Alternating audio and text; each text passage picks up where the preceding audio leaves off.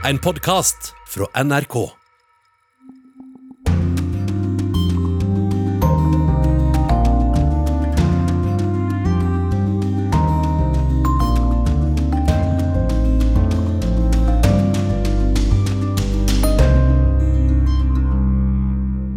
Velkommen til Urix på lørdag, hvor du får være med rundt der det skjer i verden. F.eks. mellom Russland og Ukraina. Kan USA hindre en krig? I Frankrike, der hashtaggen metoopolitics skaper utfordringer i det kommende valget. I Tyskland, der Merkel takker for seg. De 16 Jahre als Bundeskanzlerin waren ereignisreiche und oft sehr herausfordernde Jahre. Utfordrende, sa Merkel, men nå varsler den påtroppende utenriksministeren en helt annen tone mot Kina og Russland. Og vi minnes en helt eksepsjonell dame. Kledd i kun et skjørt av bananer ble framføringene hennes sett på som en parodi på rasisme. Og korrespondentbrevet tar for seg et pjuskete juletre i London. Mitt navn er Anja Strønen, og vi begynner sendingen som vi har gjort veldig mange ganger før de to siste årene, med siste nytt om eh, koronaviruset. Og kollega Halvard Sandberg, kjenner jeg deg rett, så har du sittet oppe halve natten og lest vitenskapelige rapporter. Hva vet vi om eh, dette virus, denne nye virusvarianten nå? Ja, den rapporten jeg har lest eh, i natt, det er fra sørafrikanske forskere. Første harde data som viser at tidligere gjennomgått sykdom rett og slett ikke beskytter deg mot denne varianten. Altså Den immuniteten du får gjennom å ha gått gjennom covid-19, den beskytter deg ikke. Det er dårlige nyheter for veldig mange land, spesielt fattige land, som er avhengig av immunitet, for de har ikke vaksine, for å kunne ha en form for kontroll over denne varianten. Men likevel så sa WHOs sjefsforsker i går at eh, man ikke skulle la denne omikron-varianten føre til panikk, fordi vi er i en helt annen situasjon nå enn vi var f.eks. For, for et år siden. Ja, vi er i en annen situasjon. Vi vet mer om hvordan vi skal beskytte oss, og vi har vaksiner. Det han snakker om, er de rike landene som har fått vaksiner, fått vaksinert, gjennomvaksinert sin befolkning. De behøver ikke å få panikk. Sånn som Norge? Sånn som Norge, ja. Fordi at det ser ut til at denne Det er god grunn til å anta at vaksinene beskytter deg mot alvorlig sykdom, men veldig liten grunn til å tro at den beskytter deg mot smitte. Men WHO sier også at det ikke er kommet meldinger om at omikron så langt har tatt noe liv. Ja, det, det var, høres jo bra ut? Det høres bra ut. Eh, det var i går. Ja. Eh, siste fra den Hauteng-provinsen i Sør-Afrika, at de registrerte seks døde i dag. Men det er ikke nødvendigvis folk som har blitt smittet av omikron. De, de har hatt pasienter liggende lenge på sykehusene. Mm. Men eh, ja, seks stykker. EUs smittevernbyrå ECDC, ECDC har rapportert eh, om villsmitte om omikron i flere land. Hva er egentlig villsmitte, Halvard? Det er det som kalles da community transfer. Det betyr det at eh, det foregår smitte, og du vet ikke hvor smitten kommer fra. Det er altså smitte i befolkningen. Det er ikke slik at du kan koble det til ah ja, det var han, ja. Han kom derfra. Eh, så tok med seg viruset, og da har vi kontroll over den smitteveien. Det er noe som bare er der. Mm. Hva er det du ser for deg kommer til å skje nå? Det er nesten umulig å vite, for du er helt avhengig av å vite om denne fører til mer alvorlig sykdom. Hvis den fører til mer alvorlig sykdom for vaksinerte, så er vi inne i et mørkt sted. Uh, og det myndighetene i Norge sier, og det WHO sier, og alle sier, at da går vi mot en vinter som preges av hard nedstengning. Og da passer det å ta inn vår europakorrespondent Simen Ekern. Hvordan reagerer land i Europa på smitten nå? De reagerer litt uh, forskjellig. Noen steder så konsentrerer man seg om å stenge barer og restauranter og nattklubber, uh, så man ikke får noe særlig uteliv på kvelden som kan bidra til spredning. Andre steder så er det først og fremst barna, og de yngste barna, som uh, er, utgjør bekymringen. Sånn som her i, i, Belgia, hvor mange i går trodde at myndighetene rett og slett skulle stenge alle barneskoler. Det gjorde de ikke, men, men juleferien er, kommer en uke tidligere. og alle barn over seks år må ha munnbind. Og så ser vi andre land som Tyskland og Italia, der tiltakene i veldig stor grad eh, handler om å skille mellom dem som er vaksinerte og dem som ikke er eh, vaksinerte. Og gjøre det vanskelig og ukomfortabelt og upraktisk å ikke være vaksinert, for så å gå mot eh, en mulig obligatorisk vaksine over nyttår for alle innbyggere. Men er det vilje i Europa til en ny runde med nedstenginger og restriksjoner? Nei, det er det jo ikke. Og det er jo derfor mange myndigheter ikke eh, lytter til ekspertrapportene. Det var det som skjedde her i Belgia eh, i dag. Ekspertene hadde en rekke mye strengere tiltak på blokka, eh, men man valgte å ikke følge dem i noen særlig grad. Og det handler nok om at mange politikere er redde for en del eh, misnøye, motvilje. Folk er bekymra for økonomien, så klart. Og, og, i mange land så har vi også sett eh, store demonstrasjoner og, og irritasjon over eh, over hva, hva, det betyr da, å, ha, å, ha, så strenge regler for koronapass f.eks. Og, og, og innskrenke bevegelsesfriheten såpass mye som man må gjøre. Så denne balansegangen er kjempevanskelig i alle europeiske land. Halvard Sandberg, helt til slutt her. Du som har fulgt med på dette her så intenst nå i snart to år. Hva er da det beste tiltaket hvis man skal slå ned, hindre Man greier jo ikke å utrydde. Hva, hva, er det beste tiltaket? For nå har man jo stengt lands eh, kontakt, f.eks. flyavganger osv. Men hva er det beste vi kan gjøre? De som har mulighet til det, eh, burde få en oppfriskningsdose. Eh, det er absolutt god grunn til å tro at du kan bremse denne smitten, beskytte deg delvis mot smitte, hvis du nylig har fått en vaksinedose. Men det gjelder jo bare de rike landene. Takk skal du ha, Halvard Sandberg og Simen Ekern. Russland har over 94 000 soldater stasjonert nær den ukrainske grensen, sa Ukrainas forsvarsminister denne uka.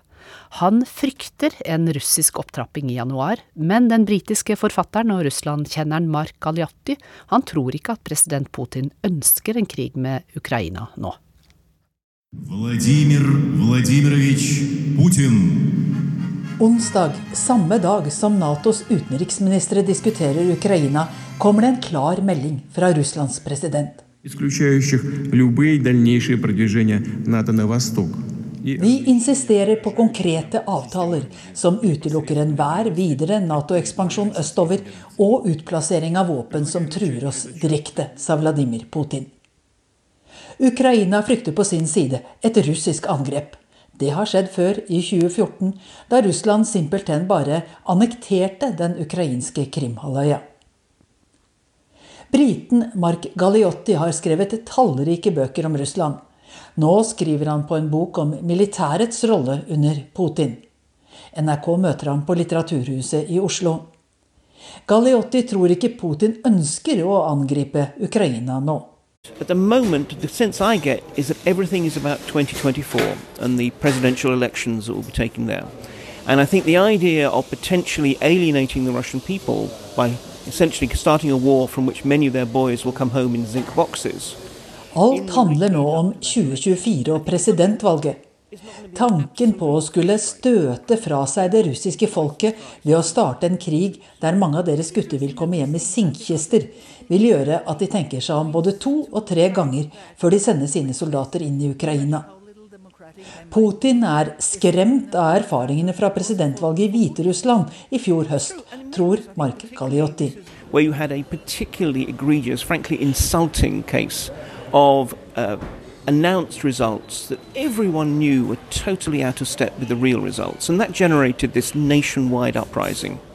Du hadde et nesten skammelig tilfelle av proklamerte resultater som alle visste var fullstendig fjerne fra de virkelige valgresultatene. Det førte til landsomfattende opprør med flere titusener arresterte.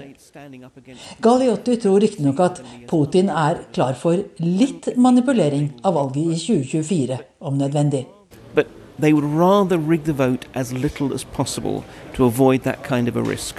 Men hva er det egentlig Russlands ledelse tror den kan oppnå ved å samle nær 100 000 soldater nær den ukrainske grensen?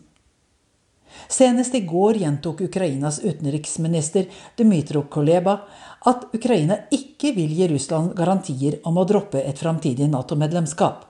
Well, what they could get is actually something from NATO that said specifically something along the lines of Ukraine will not be a member for the next 10, 20 years or whatever, or that there will not be Western military forces based within Ukraine. It's quite interesting. Vel, det de kunne få fra Nato, er noe i retning av at Ukraina ikke vil bli medlem de neste 10-20 årene, eller at Nato ikke vil stasjonere vestlige militære styrker i Ukraina. Putin har bl.a. nevnt raketter som kan nå Moskva på fem minutter.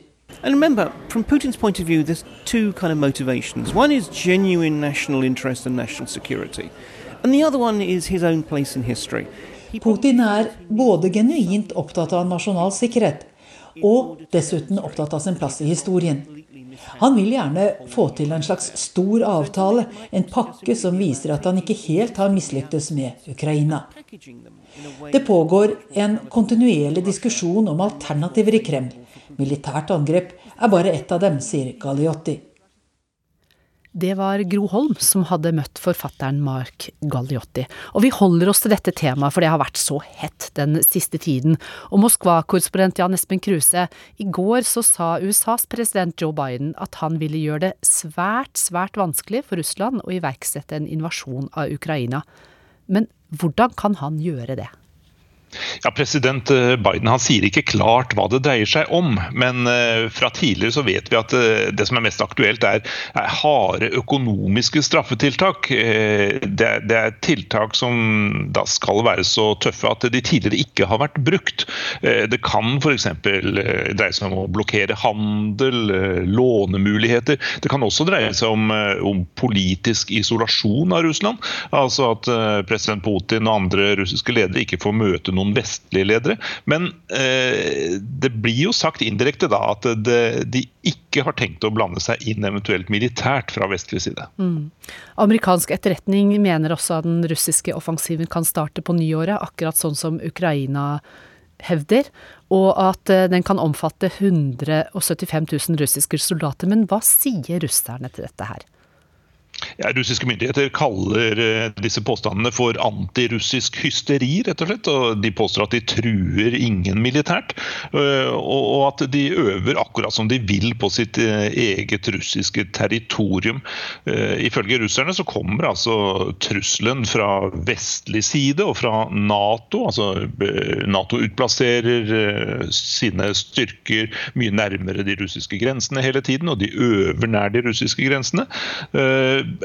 Russland har jo tidligere sagt at de vil angripe hvis den ukrainske regjeringshæren prøver å ta tilbake kontrollen over de to eh, regionene øst i Ukraina som eh, opprørerne kontrollerer. Mm. Eh, sånn at det er det det egentlig dreier seg om i stor grad for russerne. Mm. Men, men hva oppnår da Russland med å ruste opp på grensen hvis de ikke skal gjøre noe mer? Er, altså, er det som du sier, eller russerne hevder, dette er bare øvelse? Ja, De får jo satt fokus på konflikten rundt eh, Ukraina til de grader. Eh, Russlands president kaller jo da Nato-medlemskap for Ukraina for en rød linje, eh, som er helt uakseptabel. Det samme er Nato-baser i Ukraina og angrepsraketter hvis de eh, fra Natos side skulle bli utplassert i eh, Ukraina. Dessuten så vil jo da Putin veldig gjerne ha noen slags garantier fra vestlig side for at Ukraina ikke blir medlem og ikke får slike baser med angrepsvåpen. Er det det man håper skal komme mellom dette her møtet som er planlagt mellom Putin og Biden neste uke? Ja, det, det, Fra russisk side er det uhyre viktig, men, eh, men, Biden sier jo at det er ingen andre som får komme med noen røde linjer. Eh, så det ligger jo ikke an til at Russland vil få medhold i dette kravet om vestlige sikkerhetsgarantier. Og eh, De står jo så langt fra hverandre når det gjelder konfliktene rundt Ukraina. og Ordbruken er så sterk, og, og man samler altså militære styrker på begge sider sider. Sånn at det er vanskelig å se at de skal komme noe særlig videre, at de skal noe nærmere noen løsning, i hvert fall. Men de kan jo drøfte andre internasjonale spørsmål, som Afghanistan, Irans atomprogram og det generelle forholdet da, mellom Russland og USA. Her gjelder det med andre ord å følge med. Takk til deg, Moskva-korrespondent Jan Espen Kruse.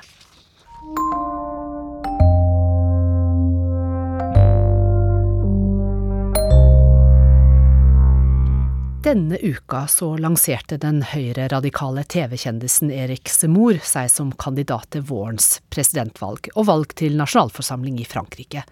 Men mange mannlige politikere møter nå motbør fra en ny bevegelse av kvinner. For i november så opprettet den 35 år gamle kvinnelige politikerne Fiona Taxier hashtaggen metoopolitics. Og nå ligger titusentalls av historier fra kvinner som forteller om overgrep på denne hashtaggen. Og Semor han er en av de som har fått slike anklager mot seg. On demande juste aux partis politiques de promouvoir d'autres types de personnalités, d'autres talents que ces personnes-là. Det haster med å advare velgerne fra å røste på presidentkandidater som anklagats for overgrep, forklarer Fiona Texer när vi träffas framför Paris stadshus, ett stenkast från Notre Dame-katedralen. Tills nu har politiker lätt fått en maktstatus som ingen vågat ge sig på i Frankrike, förklarar hon. Je pense qu'ils se sentent davantage intouchables. Men hashtaggen, den är nog början på slutet av tystnadskulturen, säger 35-åringen och ler. Tillsammans med fyra andra kvinnor är Fiona Texer en av initiativtagarna bakom metoo-politik och redan har tiotusentals kvinnor avslöjat övergrepp inom politiken. Det är en av världens första politiska hashtags.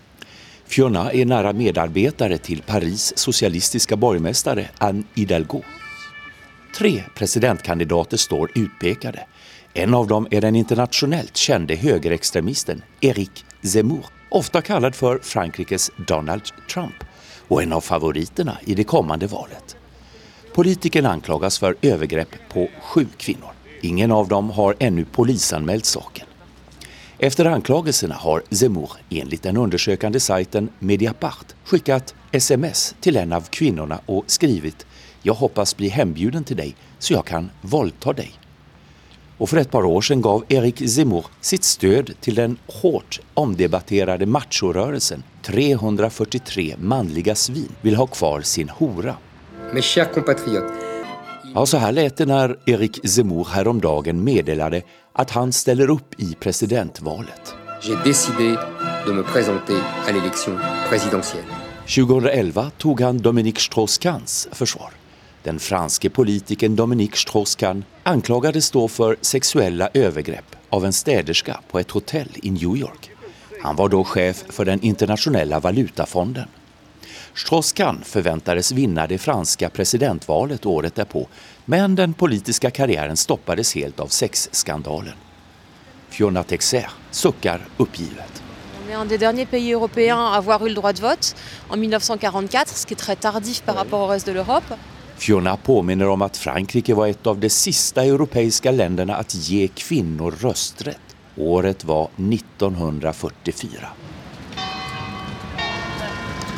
Jeg stannar kvar her på platsen framfor Paris stadshus og ringer opp Frédéric Matonti, statsvetare på Sorbonne-universitetet og forfatter.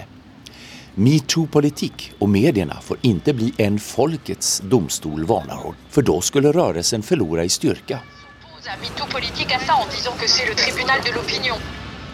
Statsvetaren Frédéric Matonti får sista ordet. Det är när kända politiker avslöjas för övergrepp som det är lättast för väljarna att inse allvaret, säger hon.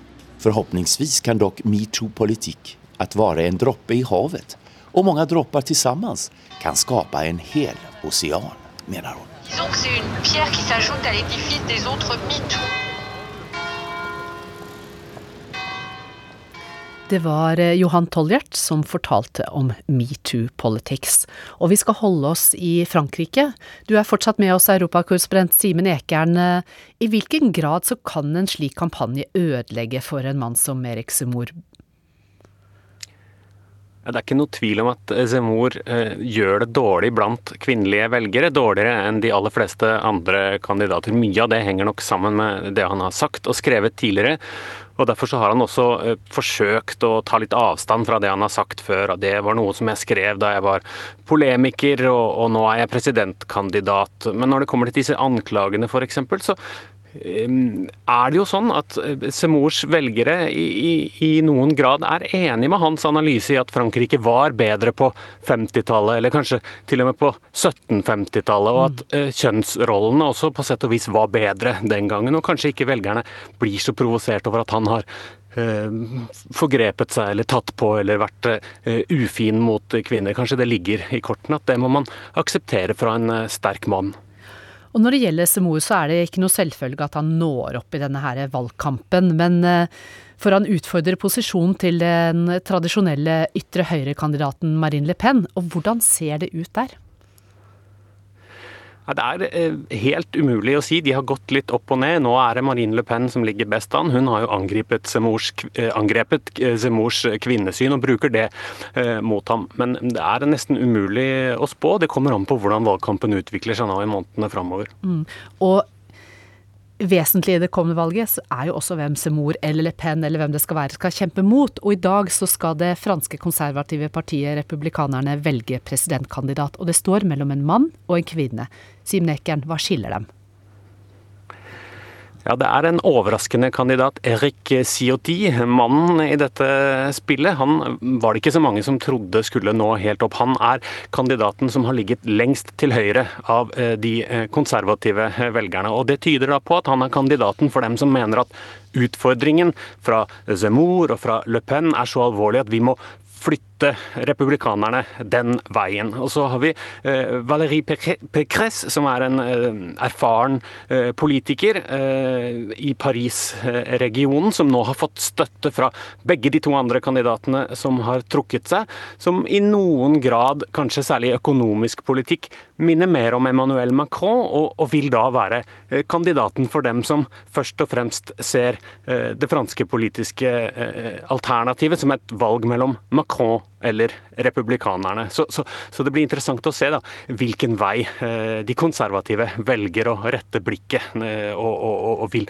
eh, legge vekten når de skal velge sin kandidat. Men jeg har forstått at Macron leder, nå er det jo en stund til valget, men han leder uansett nå på meningsmålingene. Så har de noen sjanse i det hele tatt? Ja, jeg tror fransk politikk har vist oss, eh, i likhet med politikken i veldig mange andre vestlige land, at det er ganske viktig å ikke være altfor sikker på spådommene. Det stemmer at Macron eh, ligger best an, men, men, veldig mye kommer til å bli avgjort eh, de neste månedene. Og, og man skal være nokså selvsikker hvis man skal være helt sikker på at, at, det blir Macron som vinner. Det tror jeg det er altfor tidlig å, å slå fast. Ja, og Vi kommer garantert til å høre mer om presidentvalget i Frankrike i april neste år. Takk, europakorrespondent Simen Ekern.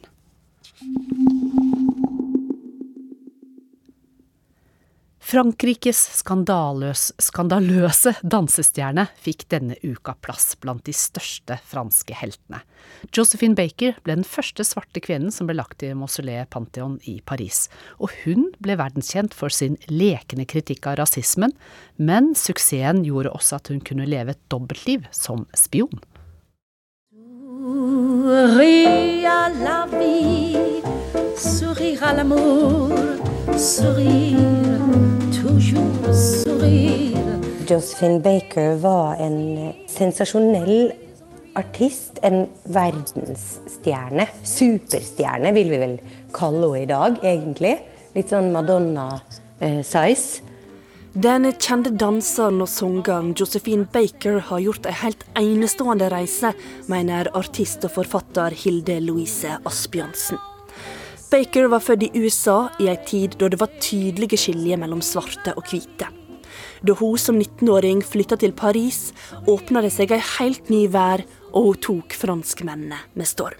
Hun dansa nesten naken på scenen, og var altså, stolt over kroppen sin. Hun oppdaga at i Frankrike så syns de at dette her var veldig stas, og egentlig et uttrykk for en slags eh, makt og kvinnefrigjøring. Så dette her omfavna Josephine Baker og gjorde det til en del av sin, eh, sitt image. Kledd i kun et skjørt av bananer ble framføringene hennes sett på som en parodi på rasisme. Hun var uredd og engasjerte seg i alle kamper hun kom over, som handla om likskap og rettferd. På 40-tallet reiste hun over undercover med en fransk journalist for å dokumentere hvordan hun ble behandla hvis hun f.eks. prøvde å sette seg fremst i bussen. Så på 1950-tallet, da var hun stor stjerne også i Amerika. Da reiste hun rundt på turné i sørstatene og krevde å ha eh, og ønske alle hudfarger velkommen i publikum. Så hun skapte jo furore og, og, fikk da ei egen mappe hos FBI, selvfølgelig, som en mulig statsfiende. Miss Josephine Baker. Under marsjen til Washington i 1963, der flere hundre tusen var samla, var Josephine Baker den eneste kvinna som talte, sammen med Martin Luther King. Pepper. Men hun var ikke bare en aktivist og en artist. Under andre verdenskrig tok hun òg på seg farlige oppdrag som spion for de allierte. Hun var så kjent at hun kunne reise rundt i Europa, komme tett på folk og skaffe informasjon, uten at det vekte mistanke. Da hun skulle frakte den informasjonen, så ble den altså da skrevet inn med usynlig blekk i notene hennes, som hun skulle ha med seg rundt og gi til de orkestrene hun skulle spille med. Og så sies det også at hun frakta både bilder og små lapper med notater innsydd i undertøyet sitt. For det var ingen som turte å sikkerhetskontrollere selveste Josephine Baker. Denne sangen sang Josephine Baker da hun tidlig på 70-tallet var gjest hos Erik Bye i NRK. Og Eric. Eric, Eric, look here. I, come on. Smile better than that. You think I yeah, you, you know, you just say cheese. Surreal. Å smile, det gjorde hun. Et svært bilde av henne lyste denne veka opp i Paris, og den kjente stemma hennes var igjen å høre i gatene. Dekt i de franske fargene ble ei kiste båren inn i det ærverdige Pantheon. Sammen med kjente navn som Voltaire og Marie Curie har nå Josephine Baker òg fått en plass der, som den første svarte kvinna. Heroine de guerre, combattante. Noir défendant les noirs, mais d'abord femme défendant le genre humain. Hun ble hylla som en helt av den franske presidenten. At dette skjer nå, bare måneder før presidentvalget, har fått flere til å spørre om dette er et politisk grep fra Macron. Et forsøk på å samle nasjonen i ei tid med intens debatt om innvandring, feminisme og den franske kolonitida. Men uansett hva grunnen måtte være, mener Hilde Louise Asbjørnsen at dette er stort. Hun blir jo ofte huska som hun dama med bananskjørtet, dessverre. Så plasseringa i Pantheon er eh, så eh, storslagent eh, og fantastisk. Og jeg tror eh, Josephine sjøl eh, hadde ramla om hvis hun hadde visst dette her. To, jour,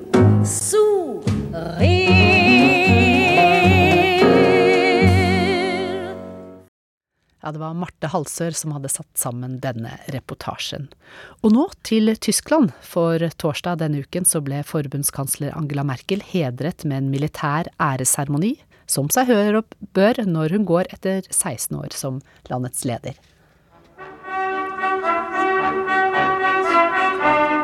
Die 16 Jahre als Bundeskanzlerin waren ereignisreiche und oft sehr herausfordernde Jahre. Sie haben mich politisch und menschlich gefordert. Und zugleich haben sie mich immer auch erfüllt. 16 begivenhetsrike og utfordrende år.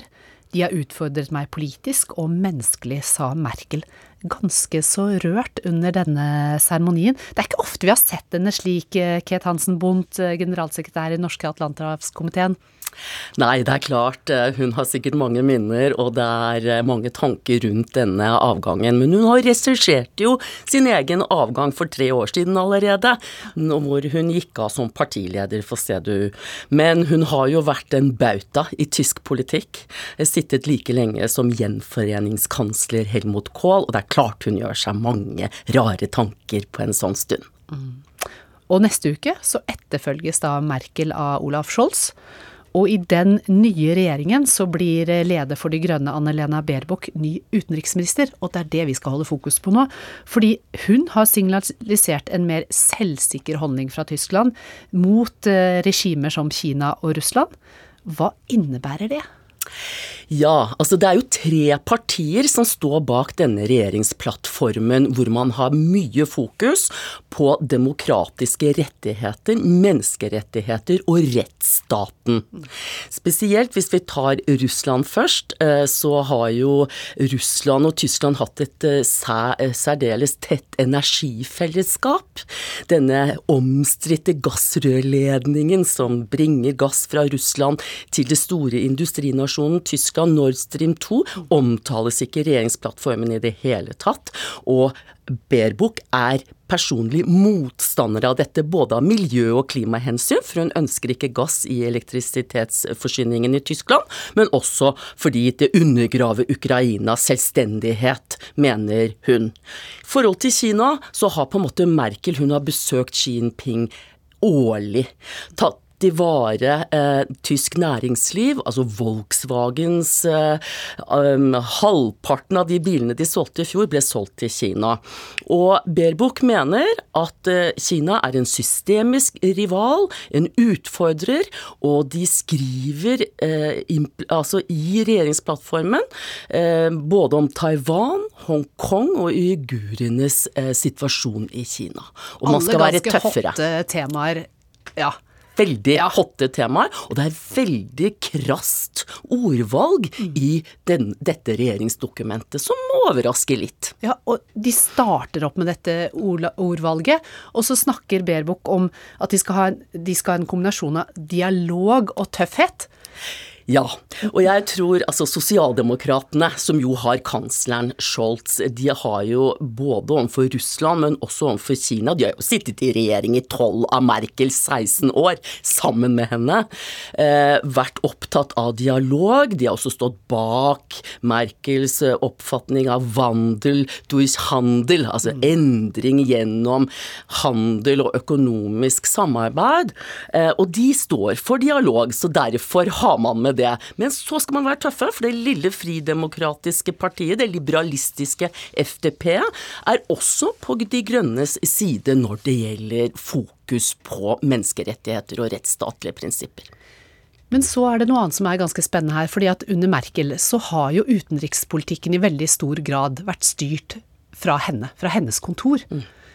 Ja, nettopp. Og det er jo spennende når vi nå får en eh, ny Når vi, sier jeg. Eh, når, når Tyskland får en, en ny utenriksminister ja. som uttaler seg så krast allerede.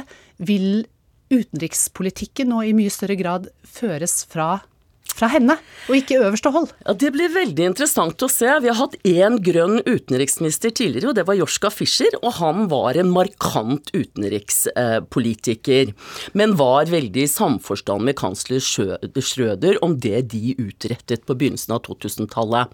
Olaf Scholz er jo sittende finansminister, vil kunne samle en del av utenrikspolitikken i kanslerkontoret, som Merkel har gjort. Hun har liksom hatt hands on hele tiden. Men er Scholz blir... like interessert? Det blir veldig spennende å se. Han har jo heller ikke den eh, prosentandelen av velgere bak seg som gjør at han kan være suveren, sånn som Merkel har vært i mange år.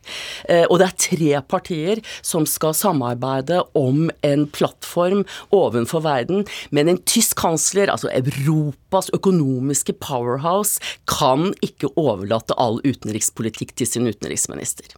Og vi må ha med et siste spørsmål her, eh, Ket Hansen Bondt, for det vi lurer på også, hva kan vi forvente av det utenrikspolitiske samarbeidet med Norge med en ny regjering? Ja, det blir veldig interessant å se, for Berbuk står jo også for Altså det viktigste er jo klimapolitikken. Det grønne det grønne. Mm. Og her skal hun jobbe gjennom et EU som også oppgraderes i denne regjeringsplattformen. Eh, og Norge selger jo gass til Tyskland, så her er man veldig spent på om det vil fortsette. Og hun er motstander av karbonfangst og -lagring som vi prøver å selge inn i EU-systemet. Men tysk-norske relasjoner er veldig gode. Og det er to sosialdemokratiske regjeringsledere eh, som kjenner hverandre godt, og som nok kommer til å samarbeide både om sikkerhetspolitikk og annen type utenrikspolitikk. Mm. Og det er altså neste uke det blir offisielt et eh, regjeringsbytte. Takk skal du ha, Ket Hansen Bundt, generalsekretær i Den norske atlanterhavskomiteen.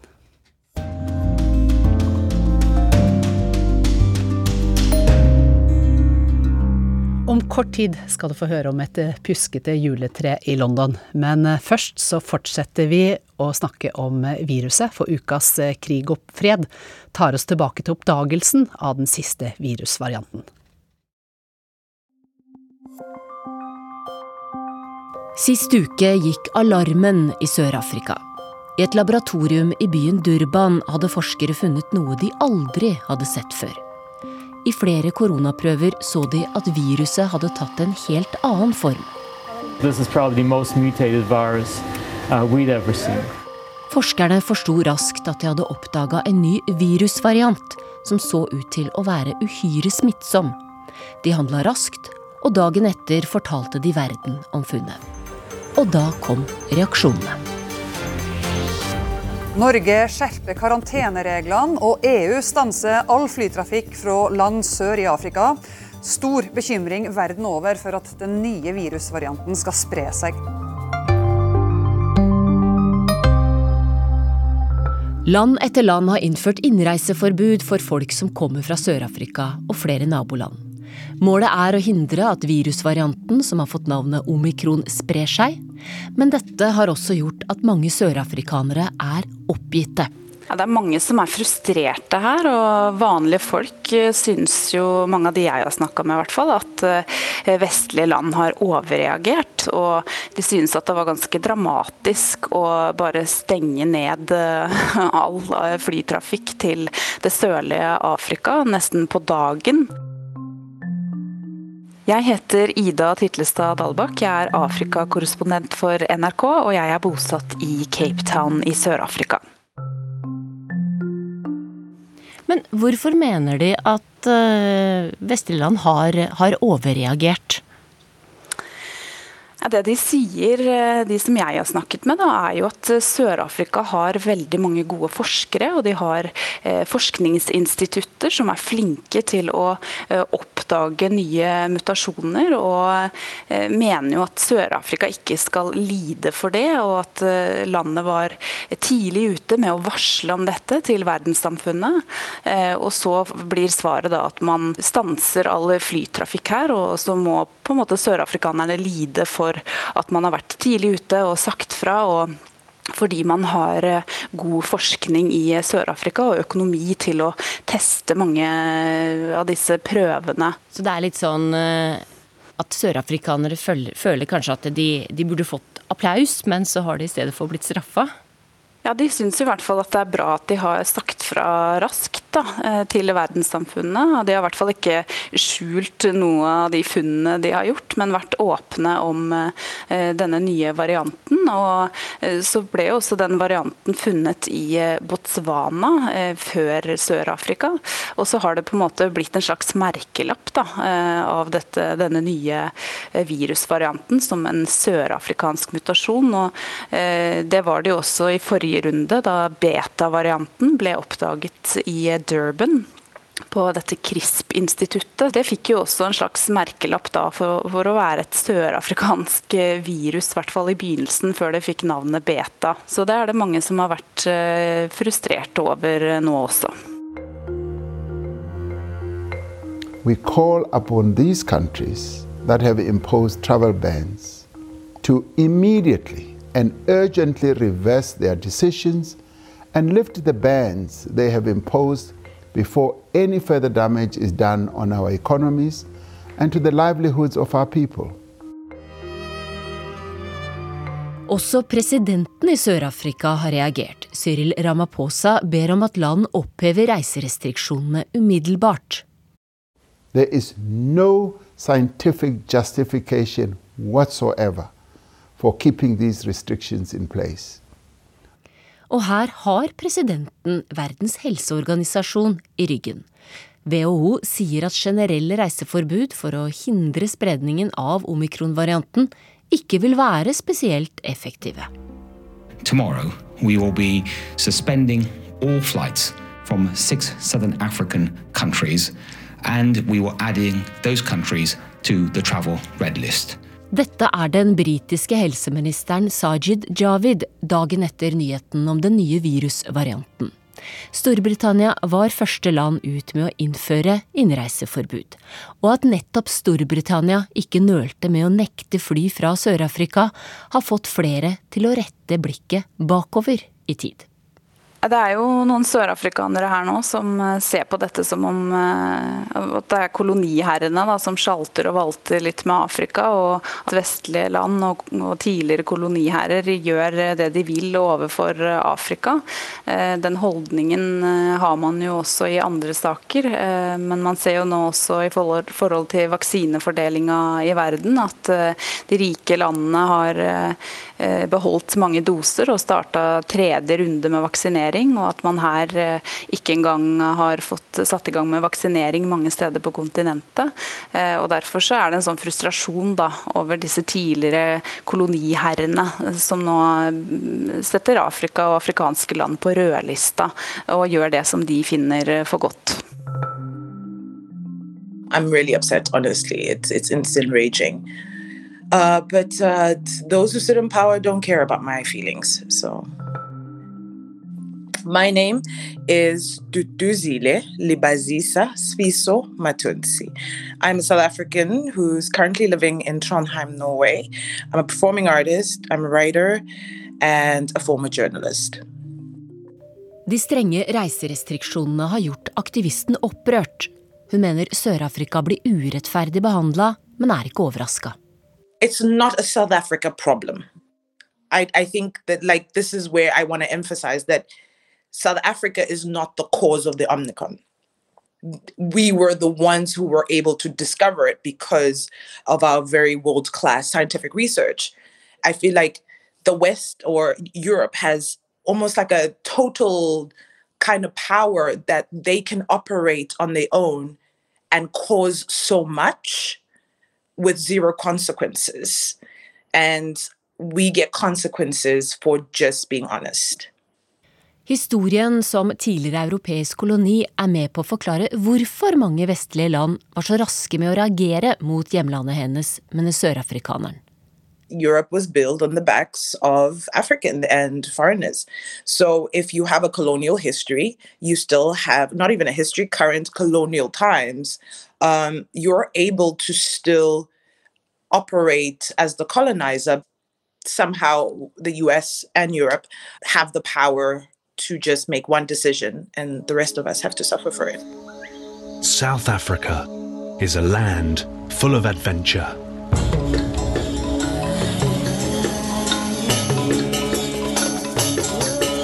It's where I witness nature in all its wonder. Det at turistene nå slutter å komme til landet, det får konsekvenser for alle de menneskene som jobber i turistindustrien. Ehm, jeg kjenner jo et par som eier gjestehus her i Cape Town. Eh, og de eh, bare i løpet av de første få timene av fredagen, så fortalte jo de at de hadde eh, over 100 000 rand, eh, som er rundt en, ja, litt over 60 000 kroner, eh, bare da i de første timene pga. avbestillinger. Eh, og så var det da en av deres ansatte som vasker og som rer senger på gjestehuset, som sa Oh no, now it's back to poverty, sa hun. I flew in on Tuesday to Joburg uh, from the UK, and so I got stuck. It's a mess for everyone. It is a frustrating because um, it was a short holiday, and then it turned out to be a nightmare.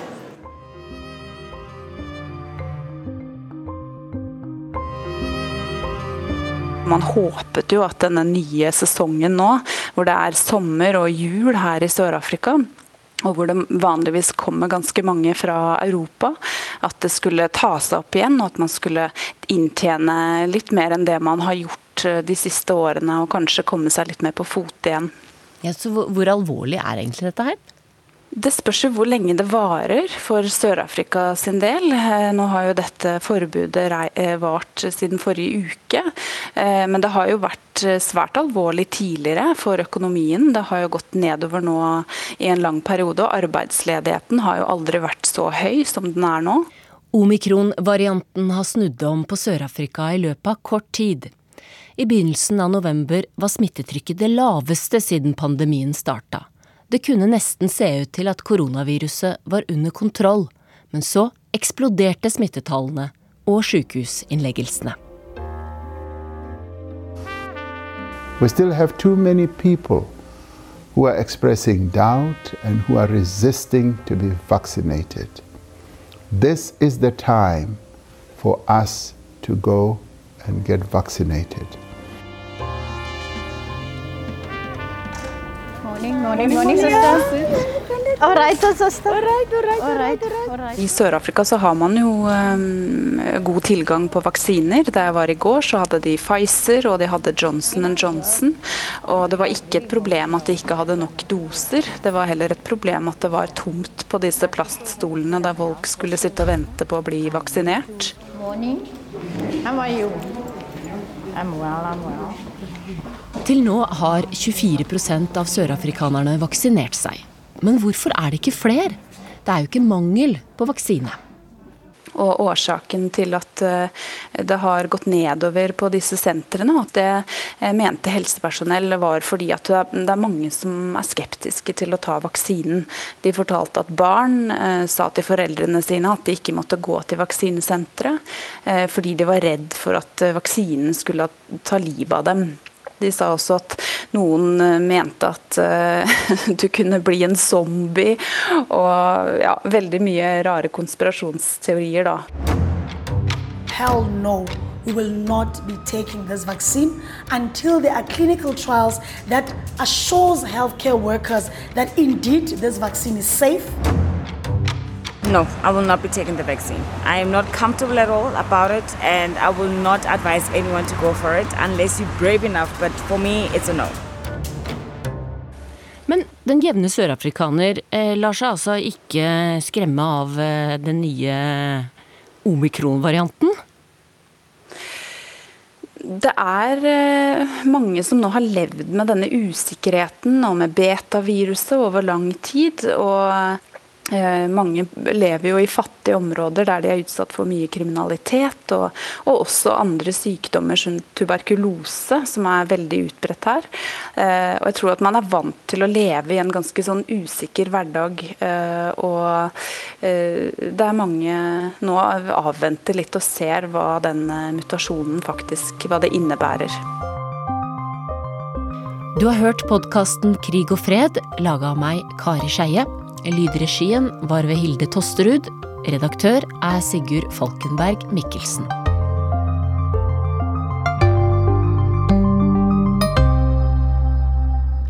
Og her i Urix på lørdag så tar vi med at flere europeiske land planlegger å sende diplomater tilbake til Afghanistan. Det sier den franske presidenten Emmanuel Macron. Macron sier det er snakk om å etablere et sted der diplomatene fra flere land kan være. Vestlige land trakk jo da ut diplomatene av Afghanistan da islamistgruppen Taliban tok makten i august. Og FNs sikkerhetsråd har vedtatt å forlenge programmet som skal hindre piratangrep utenfor kysten av Somalia i tre måneder. Internasjonale skip er i området for å hindre at pirater tar seg om bord i fraktskip. Frankrike mener forlengelsen på tre måneder er for kort, og så viser de til at det ikke har vært et eneste piratangrep i de fire årene FN-programmet har fungert. Det er 4. desember, og vi skal til julebyen London i ukas korrespondentbrev, postlagt av Gry Blekastad Almås.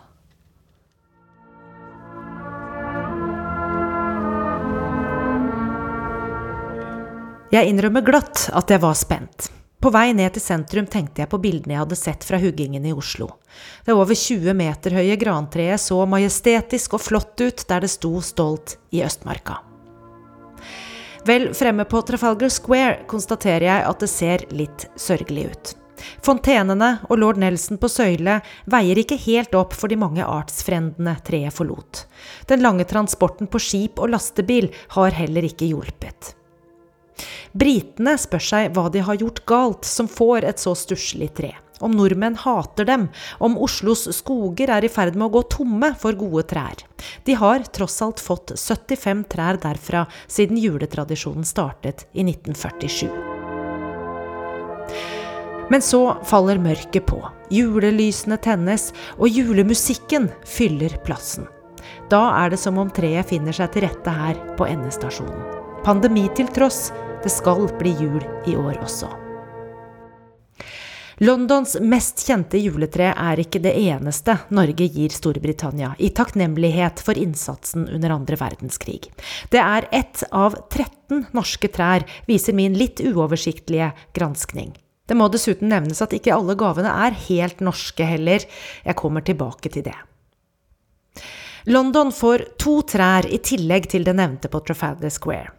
Litt bortgjemt, utenfor det britiske utenriksdepartementet, står et tre fra det norske utenriksdepartementet. Og utenfor Royal Albert Hall står en gran fra den norske ambassaden. Men ingen av disse to har reist over Nordsjøen, de er kjøpt lokalt for norske penger. De skotske øygruppene Shetlandsøyene og Orkenøyene får dobbelt så mange norske juletrær som London. Det sier litt om de sterke båndene til disse tidligere vikingøyene. Utenfor den mektige St. Magnus-katedralen i Kirkwall står et juletre fra Vestland fylkeskommune. På innsiden står et fra Fjerde historielag i Grimstad. Laget gir også et tre til sykehuset i byen. Og på Shetlandsøyene er bildet litt mer forvirrende. Folk sier at det stort sett hvert år kommer tre juletrær fra Norge, men de vet ikke helt hvor de kommer fra. Det måtte jeg prøve å finne ut av, og alt tyder på at de kommer fra Måløy, alle tre. Byen har et vennskapsforhold til hovedstaten Lerrick. Forholdet begynte under krigen. En dugnad mellom privatpersoner og næringsliv i Måløy har sørget for norske juletrær i Scalloway, på Walsay og i Lerrick. Men for noen år siden ble gaven til Larrick for dyr. Øyrådet måtte selv betale for både treet og frakten, så da takket de nei. Men i år går det rykter om at det norske treet kommer tilbake. Oljebyen Aberdeen får et tre som teknisk sett er britisk, men det er oljebyen Stavanger som betaler for det. Også treet i Edinburgh er britisk, men like fullt en gave fra Vestland fylkeskommune. Da er det to juletrær igjen å gjøre rede for. Det i Newcastle i England er hugd i Bergen og gitt av Bergen kommune. Mens treet utenfor den norske kirken i Cardiff i Wales er britisk, betalt av Vestland fylkeskommune. Sistnevnte gave pleide å komme til Cardiff på skip. Det er sjøfartsforbindelsene som i sin tid skapte de sterke båndene mellom Wales og Vestlandet. Men trærne manglet både barnåler og greiner. I tillegg ble det dyrt. Med både økonomi og klima som motiv endret derfor gaven karakter i 2011. Et lokalt tre ble plantet for å kunne gjenbrukes hvert år. Men hvem har sagt at bærekraft skal være enkelt? Etter få år var treet alt annet enn vakkert. Det ble derfor byttet ut da Den norske kirken i Cardiff feiret sitt 150-årsjubileum i 2019. To år senere har pandemi og manglende stell tatt knekken også på det. Derfor er årets juletre nyplantet, så får vi se om røttene slår skikkelig rot denne gang. Alle gode ting er som kjent tre. Så må jeg fortelle om fadesen i Grimsby. Byen på nordøstkysten av England med nære forbindelser til Norge pga. fiske, hadde et årlig norsk juletre. For tre år siden var vennskapsgaven med i et skip fra Sortland i Vesterålen da det la til kai i Grimsby. Det lille torget der treet skulle stå, slik det alltid hadde gjort, var klargjort. Men stemningen der ble ikke helt slik den norske konsulen Andrew Surfleet hadde håpet. Og det var hans feil. 15 år tidligere hadde nemlig Trondheim trukket seg som giver av juletreet til Grimsby. Andrew ville gjerne få på plass en erstatning, og spurte en av sine norske kontakter, som tilfeldigvis holdt til i Sortland. De overtok vennskapsgaven, men det ble en utfordring. I 2018 var det ingenting som stemte.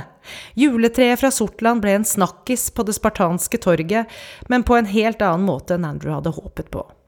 En skam, forferdelig, fryktelig, en dårlig reklame for byen, døende, er dette det verste juletreet noen gang?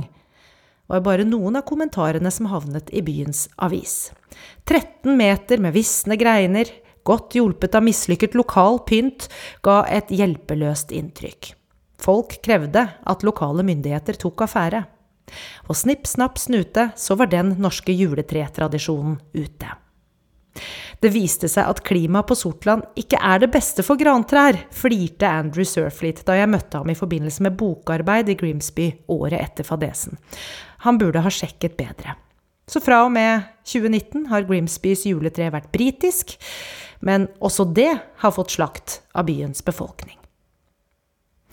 Gjennom årene har minst 18 britiske byer fått juletrær i vennskapsgaver fra norske byer, kommuner og fylker. Nå er det bare sju steder igjen som får de til sammen 13 norske trærne fra Norge. Betyr det at forholdet mellom Norge og Storbritannia svekkes? At nordmenn føler seg nærmere knyttet til USA og fastlandseuropa? At britene ikke bare river seg løs fra EU, men også fra gamle bånd over Nordsjøen? I 75 år har Londons viktigste juletre kommet fra Oslos skoger som tegn på vennskap og takknemlighet, men ethvert vennskap krever pleie og fornyelse. Så er det rart med det. Ikke et fnugg snø, og mer enn én en dråpe regn. Likevel har denne byen nok en gang klart å gi meg julestemning. Og det er bare noen få dager inn i desember.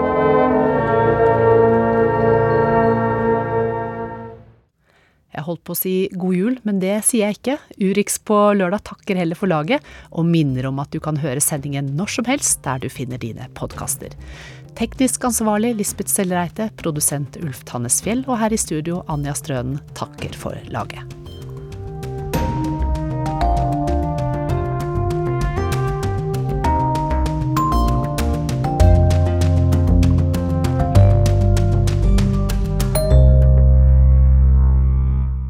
Du har hørt en podkast fra NRK. Hør flere podkaster og din favorittkanal i appen NRK Radio.